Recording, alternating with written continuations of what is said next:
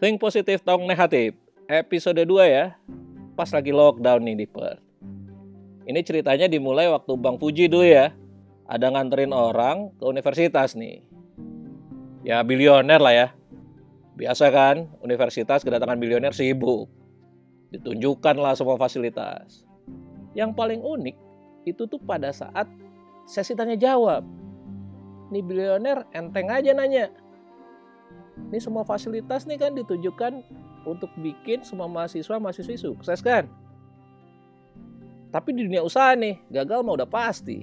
Pertanyaannya nih, apa yang sudah disiapkan untuk ngajarin mahasiswa-mahasiswi untuk siap menghadapi kegagalan? Diem dong, universitas, pusing. Emang beda ya, orang punya duit nanyanya beda gitu ya. Tapi coba kita pikirin lagi deh.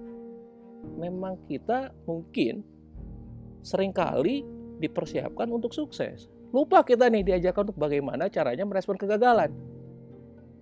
Nah, di episode kali ini Bang Fuji menjawab pertanyaan nih dari beberapa rekan-rekan. Anak-anak muda terutama nanya, Bang, gimana nih apa yang perlu kita siapin nih secara praktis biar nanti lebih siap ketika kegagalan mampir di hidup kita. Nah, Bang Fuji kali ini akan kasih tiga, tiga skill praktis nih yang bisa dilatih. Mulai besok atau mulai malam ini. Yang pertama ya, biasakan menanyakan feedback. Setelah kegiatan, setelah interaksi, setelah sesi belajar, kepada orang-orang di sekitar kita. Pak, Bu, Bro, Sis, tadi saya gimana nih presentasinya? Menurut lo gimana tadi gua? Biasakan bertanya seperti itu. Kenapa? Ini pintu masuknya nih. Kita mau melihat secara utuh proses yang akhirnya membuat kita gagal. Bahkan ini juga bisa jadi anti halu. Karena sering kali orang gagal nih nggak nyadar kalau dia gagal. Gitu ya. Tanyakan feedback. Yang kedua nih, skill praktis yang bisa langsung dipakai.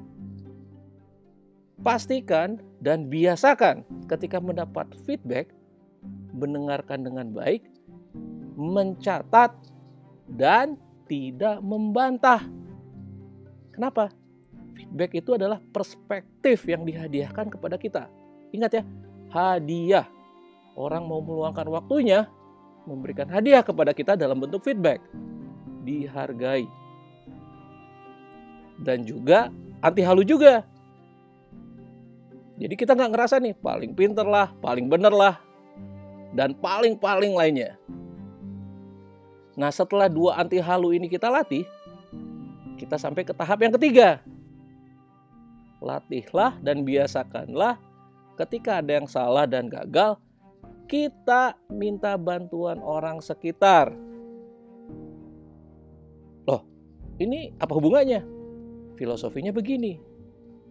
Ternyata salah satu yang membuat orang itu takut gagal atau nggak tahu gimana cara merespon kegagalan adalah mereka sangat khawatir tidak bisa merespon kesalahan.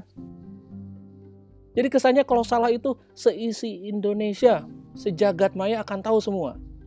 Padahal kan artis juga bukan. Ya kan? Malah mungkin kalau yang selebritis kesalahan diekspos malah makin seneng. Dapat banyak endorse ya. Ya kita. Bukan siapa-siapa salah terus takut juga semua di dunia maya tahu. Hilangkan seperti itu. Dengan meminta bantuan, kita hanya jadi terbiasa menceritakan kesalahan kita sambil minta masukan untuk memperbaikinya. Nah, yang nomor tiga ini anti malu. Jadi, untuk merespon kegagalan, latihlah kita dengan kebiasaan-kebiasaan yang praktis setiap hari untuk anti halu dan anti malu. Pertama tanya feedback, kedua jangan pernah bantah kalau dikasih feedback, dan yang ketiga, minta bantuan orang sekitar.